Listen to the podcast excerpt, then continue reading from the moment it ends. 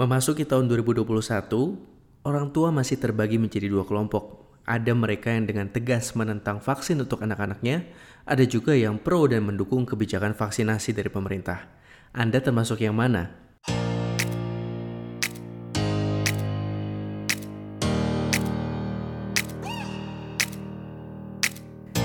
Hey halo pendengar, selamat datang di podcast Opnama, obrolan awam seputar medis. Bersama saya Dr. Marco Vidor yang akan menjawab pertanyaan Anda seputar kesehatan dan mengajak Anda untuk melihat lebih dekat mana mitos dan mana fakta di dunia kedokteran.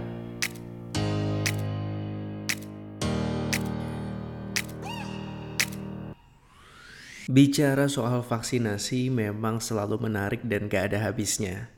Tapi jangan salah, kali ini kita bukan mau membicarakan tentang vaksin COVID yang sedang heboh dan marak itu. Tapi kita mau membahas bahwa ada satu update dari Ikatan Dokter Anak Indonesia yang baru saja mengeluarkan panduan vaksinasi terbaru. Yang mana sebelum panduan yang paling baru ini, terakhir tuh mereka mengeluarkan petunjuk pada tahun 2017. Nah dalam obrolan hari ini kita akan lihat satu persatu perubahan-perubahannya apa saja dalam petunjuk yang terbaru ini. Apakah ada perbedaan yang signifikan atau hanya ada pergeseran waktu jadwal saja? Kita akan sama-sama lihat. Nah, tapi sebelum lebih jauh nih, uh, masih ada sedikit kebingungan sebenarnya yang perlu diluruskan. Banyak orang yang bingung, vaksinasi sama imunisasi itu sama atau beda sih? Kalau beda, bedanya di mana? Nah, sebenarnya kalau kita tengok per definisi, yang disebut dengan vaksinasi adalah proses pemberian vaksin, yaitu obat baik itu disuntikan maupun diteteskan ke dalam mulut, yang tujuannya satu, yaitu tidak lain adalah supaya tubuh kita yang mendapatkan obat itu membentuk antibodi atau kekebalan terhadap penyakit tertentu. Nah, proses pembentukan antibodi di dalam tubuh inilah yang disebut dengan proses imunisasi. Jadi boleh saya bilang, vaksinasi adalah proses pemberian obat supaya terjadi proses selanjutnya, yaitu yang disebut dengan imunisasi.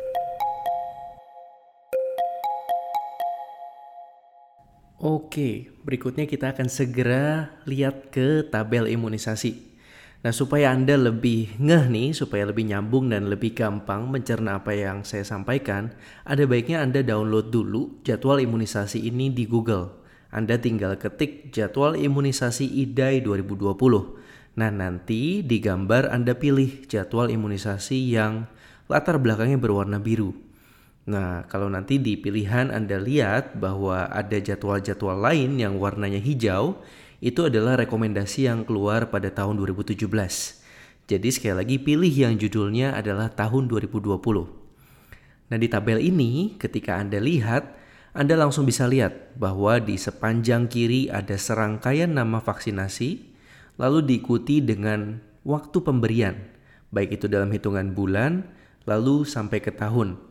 Nah, di sini juga bisa kita lihat pada umur berapa imunisasi ini diberikan pada anak kita. Nah, jadwal ini khususnya yang kita bicarakan ini adalah jadwal imunisasi anak dari umur 0, artinya dari lahir, sampai 18 tahun. Nah, mungkin Anda bertanya, lalu untuk orang dewasa bagaimana? Ada nggak sih imunisasi untuk orang dewasa? Jawabannya ada, tapi tidak kita bahas di episode kali ini ya, karena itu tentu perlu satu episode khusus untuk membahasnya. Nah, oke, okay, kembali lagi ke tabel ini. Kita lihat bahwa di tabel ini ada banyak sekali warna-warna. Nah, saya akan bantu Anda bagaimana sih membaca tabel ini supaya lebih mudah dipahami. Kita ambil contoh. Di baris pertama itu ada vaksin hepatitis B. Di sebelah hepatitis B ini ada angka-angka dari 1, 2, 3, dan seterusnya. Nah, cara bacanya begini nih. Jadi vaksin hepatitis B diberikan di dosis pertama pada waktu bayi baru lahir. Lalu dosis kedua, ketiga, dan keempat diberikan saat bayi berumur 2 bulan, 3 bulan, dan 4 bulan. Lalu kalau mata kita terus bergeser ke kanan ke tabel ini, kita bisa lihat bahwa di tulisan 18 di situ ada tulisan 5. Nah, artinya apa? Nah kita lihat tulisan angka 5 ini diwarnai dengan warna merah. Sedangkan kalau kita baca di keterangan, semua yang berwarna biru artinya vaksinasi primer atau memang dosis-dosis pertama yang diberikan. Sedangkan yang ditandai dengan warna merah adalah booster. Booster artinya vaksin tambahan. Lalu ada juga kolom-kolom yang berwarna kuning dan di situ keterangannya catch up. Mungkin Anda bertanya maksudnya apa sih catch up? Nah, eh, di Indonesia, ya saya percaya juga di banyak negara ada anak-anak yang karena kondisi tertentu kemudian jadi tertinggal, tidak mendapatkan vaksinasi di saat umurnya harusnya dia mendapatkan. Entah itu karena orang tua yang termakan hoax mungkin mengenai vaksinasi. Ada juga yang terlambat karena si anak sakit. Ada juga yang terlambat karena kondisi khusus seperti pandemi yang saat ini terjadi. Nah, ketika anak-anak kita terlambat mendapatkan vaksinasi, masih ada kesempatan untuk mengejar ketertinggalan. Itulah yang dimaksud dengan catch up. Jadi, di mana tabel ini masih berwarna kuning, di situ dosis vaksinasi masih bisa dikejar kalau belum didapatkan sesuai dengan waktu yang seharusnya. Nah, satu tanda warna lagi yang kita lihat di sini adalah warna oranye. Warna oranye artinya vaksinasi ini diutamakan pada daerah endemis keterangannya di situ. Apa maksudnya daerah endemis?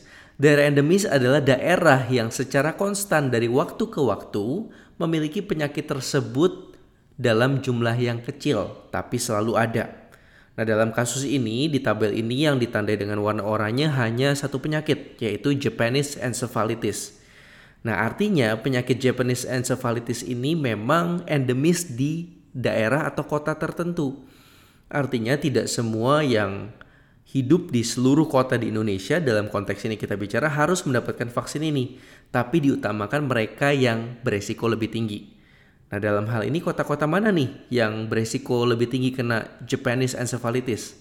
Nah, walaupun namanya Japanese, tapi rupanya dikatakan melalui data bahwa kota-kota besar seperti Jakarta, Yogyakarta, dan juga Bali, di situ Japanese encephalitis merupakan termasuk penyakit yang endemis, artinya selalu ada dalam jumlah yang kecil. Jadi mereka diutamakan untuk mendapatkan vaksin ini. Nah kembali lagi ke vaksin hepatitis B yang tadi kita baca. Jadi artinya vaksin ini diberikan 4 dosis primer dan satu dosis booster pada usia 18 bulan. Nah 4 dosis primer ini diberikan satu saat kelahiran, lalu dosis kedua, ketiga, keempat pada bayi berusia 2, 3 sampai 4 bulan. Begitu cara membacanya. Nah, kalau kita sudah punya persepsi yang sama tentang bagaimana membaca tabel ini, baru kita bisa bahas lagi bedanya apa dengan rekomendasi yang pada tahun 2017. Oke, yang pertama vaksin hepatitis B. Tidak ada perubahan khusus untuk dosis primer dari vaksin hepatitis B ini, tapi memang pada jadwal yang baru terdapat satu jadwal booster pada bulan ke-18 yang mana tidak direkomendasikan pada tahun 2017. Nah, kenapa sih seseorang butuh vaksin booster? Jadi ketika kita mendapatkan vaksinasi, maka tubuh kita itu membentuk antibodi dalam level atau jumlah tertentu. Nah, ketika level ini sudah turun, dan bahkan habis, maka dibutuhkan dosis selanjutnya untuk kembali meningkatkan level antibodi tersebut. Hal inilah yang menjelaskan kenapa ada vaksin yang hanya diberikan dua kali, ada yang tiga kali, bahkan ada yang harus diberikan sebanyak empat kali, seperti contohnya pada hepatitis B ini. Nah untuk vaksin hepatitis B sendiri sebenarnya ada satu pemeriksaan yang cukup mudah diakses untuk melihat apakah di tubuh kita ini masih cukup antibodi terhadap penyakit hepatitis B yang disebut dengan anti-HBS. Nah, jadi dari kadar ini bisa menjadi salah satu indikator apakah kita memerlukan vaksin booster atau tidak perlu. Nah, mereka yang biasanya perlu vaksin booster adalah mereka yang dalam pekerjaannya memiliki resiko tinggi untuk terpapar hepatitis B. Misalnya dokter, perawat, nah itu umumnya dilakukan pemeriksaan secara berkala di rumah sakit. Dan setiap beberapa tahun sekali kami diberikan booster dari vaksin hepatitis B. Nah, kemudian kita langsung masuk ke yang kedua, di mana kita lihat di sini ada perbedaan loh pada jadwal pemberian vaksin polio.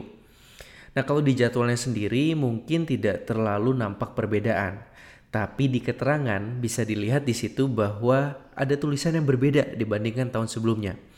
Jika pada rekomendasi tahun 2017 dikatakan bahwa setiap anak sebelum usia satu tahun setidaknya harus mendapatkan vaksin polio yang disuntik sebanyak satu kali, maka sekarang direkomendasikan harus mendapatkan setidaknya dua kali suntikan sebelum usia satu tahun. Kenapa ada perbedaan ini? Karena ternyata ada sebuah studi yang dilakukan di Bandung oleh beberapa dokter anak dan menemukan bahwa jika anak hanya diberikan suntikan vaksin polio sekali, maka kecenderungan untuk terkena penyakit polio oleh jenis virus polio serotype 2 tetap ada, bahkan resikonya besar. Karena hal itulah maka dikatakan dua kali suntikan lebih baik untuk mencegah supaya sama sekali tidak ada resiko untuk terkena polio. Penelitian ini juga dilakukan di beberapa negara lain, terutama negara-negara berkembang seperti Kuba di Amerika Tengah dan juga Thailand, juga menemukan hal yang sama. Makanya sudah mulai diseragamkan bahwa disarankan oleh WHO seluruh anak sebelum usia satu tahun harus dapat dua kali suntikan polio. Yang ketiga, perbedaan yang menonjol juga bisa kita lihat di sini pada vaksin BCG Nah, BCG atau Basil Calmette Guerin adalah vaksin yang diberikan untuk mencegah penyakit TBC atau yang lebih dikenal dengan nama tuberkulosis.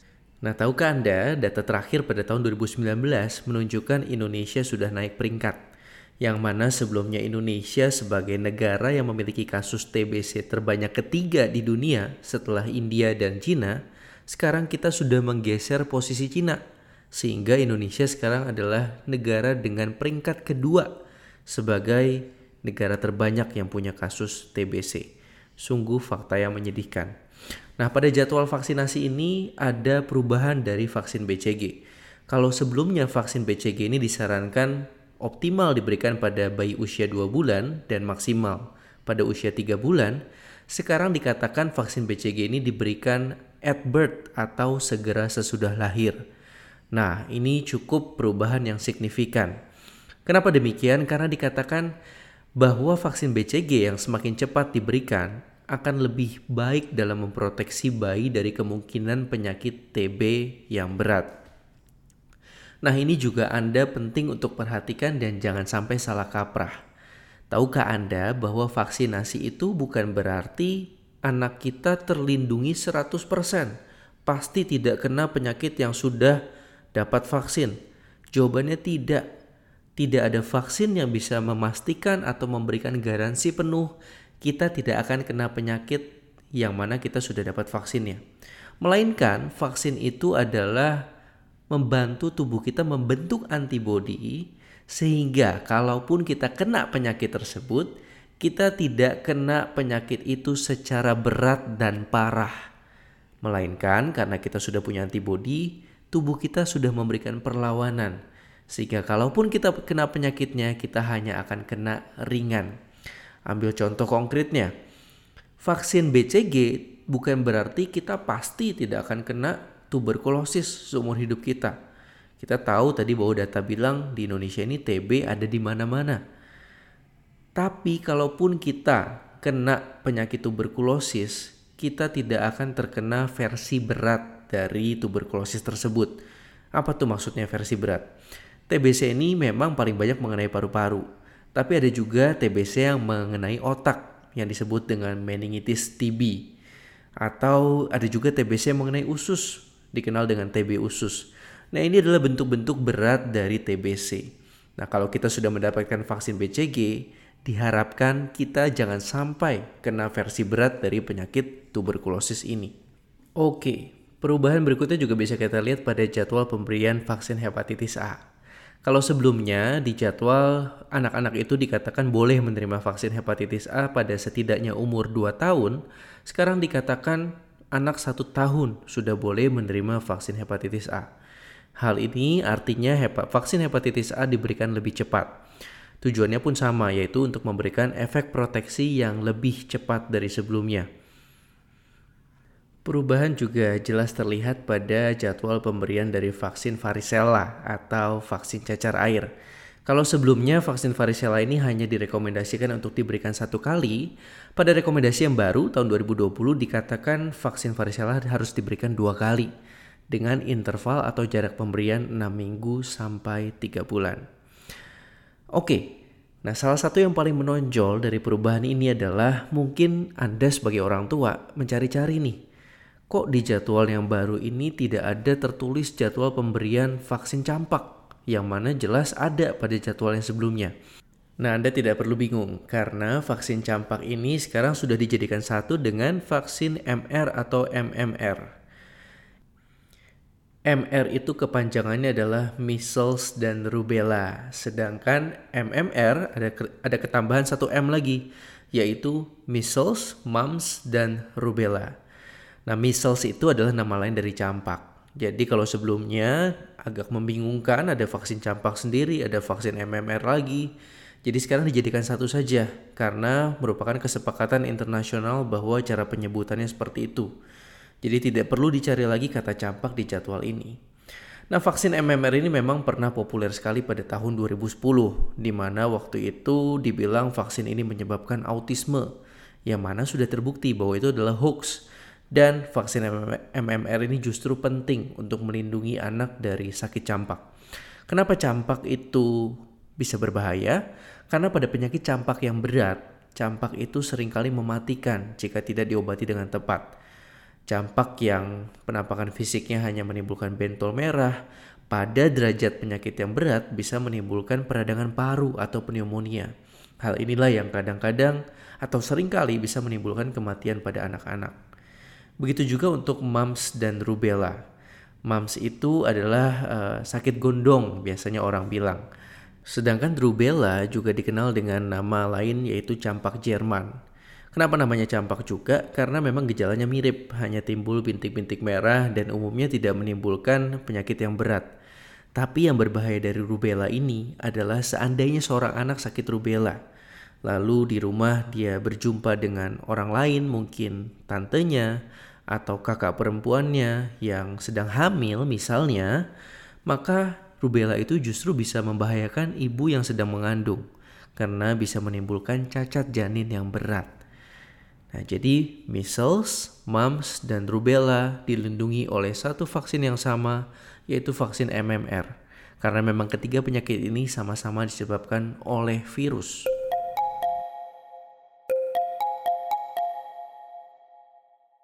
Nah, itulah tadi rangkuman perbedaan dari panduan terbaru dari Ikatan Dokter Anak Indonesia tentang jadwal pemberian vaksinasi atau imunisasi. Jadi, jangan lewatkan setiap waktu pemberian imunisasi anak Anda. Ingat, yang namanya imunisasi itu walaupun terlambat diberikan bisa tetap dikejar dengan catch up namanya dosis catch up. Jadi jangan sampai anak kita tidak diberikan imunisasi. Memang sih sampai hari ini kalau kita lihat di Google ada yang namanya anti-vaxxers, yaitu gerakan orang tua yang anti terhadap pemberian vaksin terhadap anaknya. Mereka itu punya alasan yang berbeda-beda. Ada yang menganggap bahwa perusahaan obat itu tidak bisa dipercaya.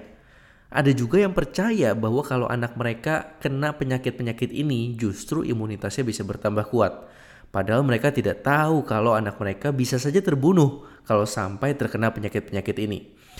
Nah, dari sini sebenarnya kita belajar juga bahwa untuk segala sesuatu selalu ada pro dan kontra, bahkan untuk hal yang kita sudah yakin benar akan kebenarannya. Jadi saya berharap melalui hal ini juga wawasan kita semakin terbuka dan kita melek akan pentingnya vaksinasi untuk anak-anak kita. Nah sekian untuk episode kali ini mengenai update jadwal imunisasi dari Ikatan Dokter Anak Indonesia. Silahkan Anda gali informasi tentang imunisasi lebih lanjut ke website resmi dari Ikatan Dokter Anak Indonesia atau Anda juga bisa langsung berkonsultasi dengan dokter anak Anda masing-masing. Saya Marco Vidor, saya undur diri, sampai jumpa di episode podcast Opname selanjutnya.